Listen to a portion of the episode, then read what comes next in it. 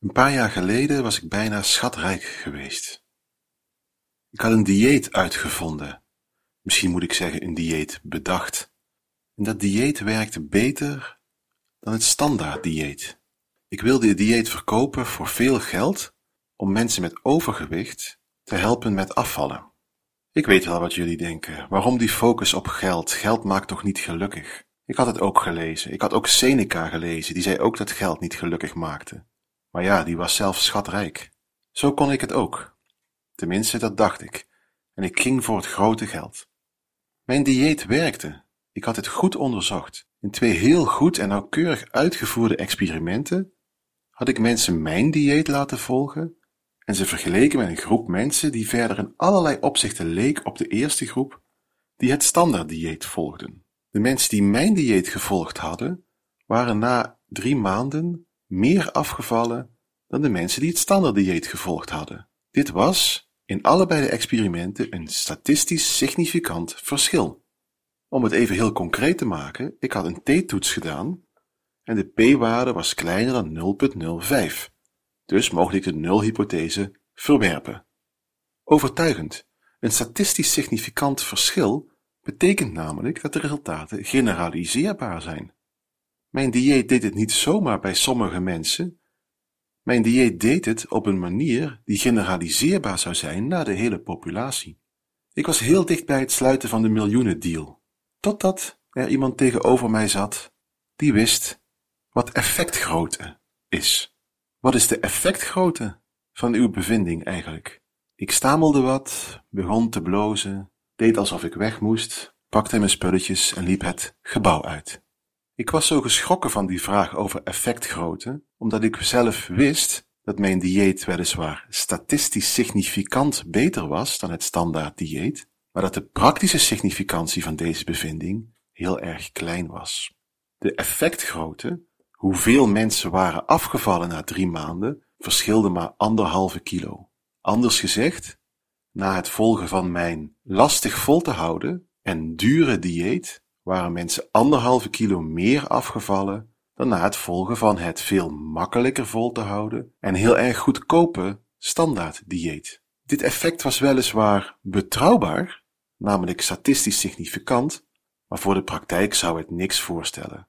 Het zou mensen alleen maar opzadelen met een duur dieet, lastig vol te houden, en de winst die ze kregen ten opzichte van het makkelijk vol te houden en goedkope standaard dieet was heel erg beperkt. Streep door de rekening, ik werd geen miljonair. Welkom bij Audiostatistiek, de podcast over statistiek zonder plaatjes.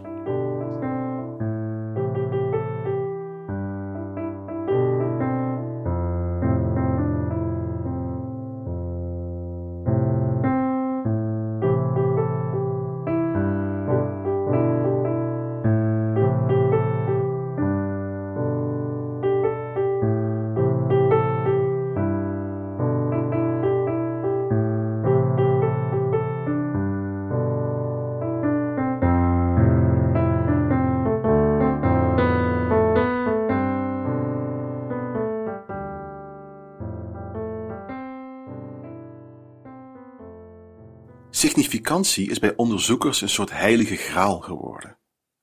Als een verschil statistisch significant is, zijn ze blij, zijn ze opgetogen, zijn ze opgewonden, ik wil het gerust toegeven. Wat dan wel eens vergeten wordt, is dat veel bevindingen een praktisch doeleinde hebben. In het voorbeeld van mijn dieet is dat zo, in het voorbeeld van een therapie is dat zeker ook zo. Je wil niet alleen dat je therapie statistisch betrouwbaar is, dat is zeker belangrijk, maar ook praktisch relevant, praktisch significant. het verschil tussen statistische significantie en praktische significantie komt het meest tot zijn recht in de industrie. Als je als bedrijf een methode hebt ontwikkeld om een bepaalde stof sneller te laten groeien, bepaalde cellen sneller te kweken, misschien om vaccins te ontwikkelen, dan wil je wel dat de eventuele investeringen in materiaal om deze procedure voor elkaar te krijgen, zich gaan terugbetalen. Dus als je een methode ontwikkelt waarmee je een bepaalde stof sneller kan laten groeien, maar dat de investeringen om die methode voor elkaar te krijgen zo groot zijn, dat je ze nooit zal terugverdienen, dan heeft dat helemaal geen zin.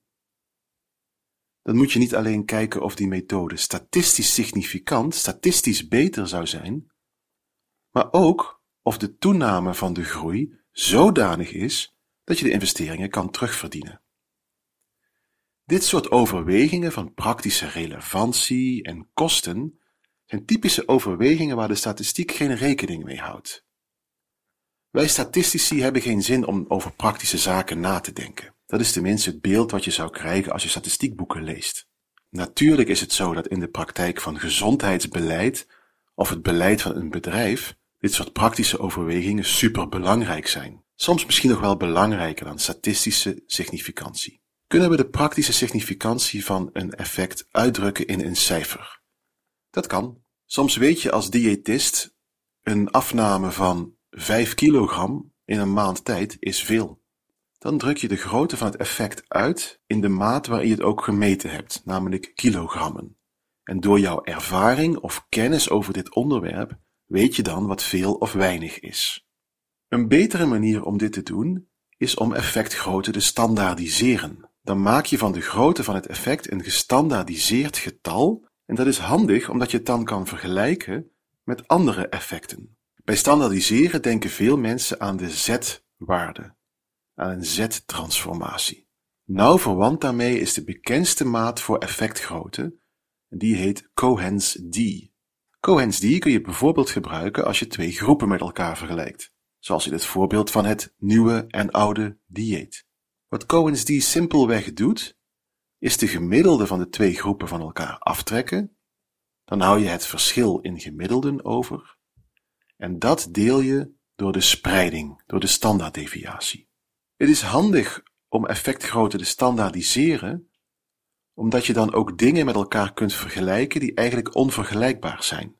Bijvoorbeeld, lengte druk je uit in centimeter. Als iemand 10 centimeter langer is dan iemand anders, dan is dat een groot verschil. Tamelijk groot verschil, zou ik zeggen. Als iemand 20 centimeter groter is, dan is dat echt een serieus verschil. Laat staan 40 of 50 centimeter. IQ wordt uitgedrukt op een heel andere maat dan lengte. Het zijn geen centimeters, maar een soort arbitraire units, waarbij 100 het gemiddelde is. Verschillen tussen twee groepen in lengte en in IQ zijn niet direct met elkaar vergelijkbaar. En dat is een reden waarom we standaardiseren. Standaardiseren combineert het verschil tussen gemiddelden met de spreiding in de groepen.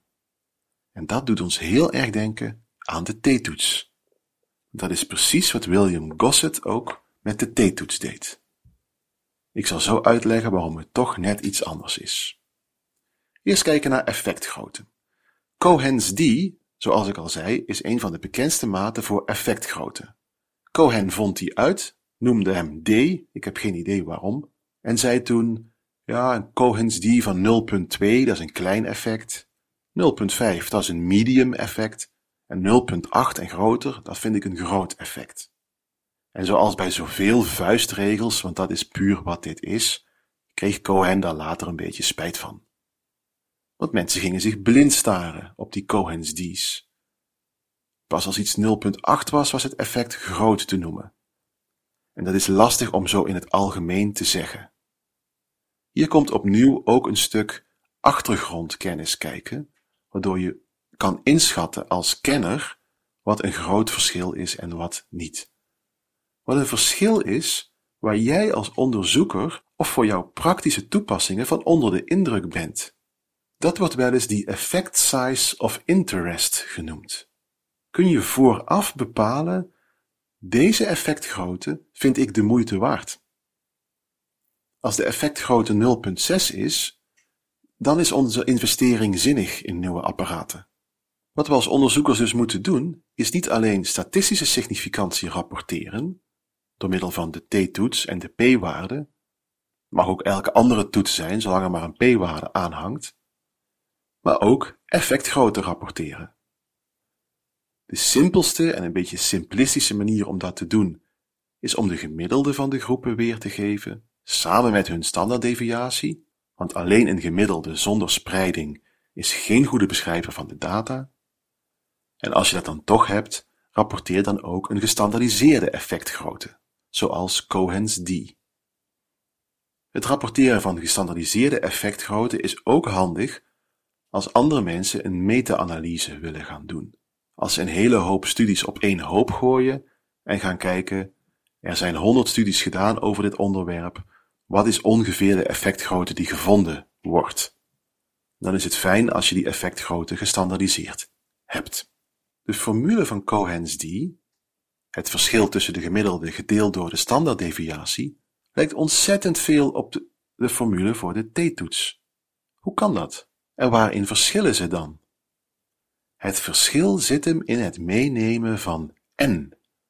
Hoofdletter n. n is de groepsgrootte. Hoeveel metingen heb je gedaan? Hoeveel onafhankelijke statistische units heb je gemeten?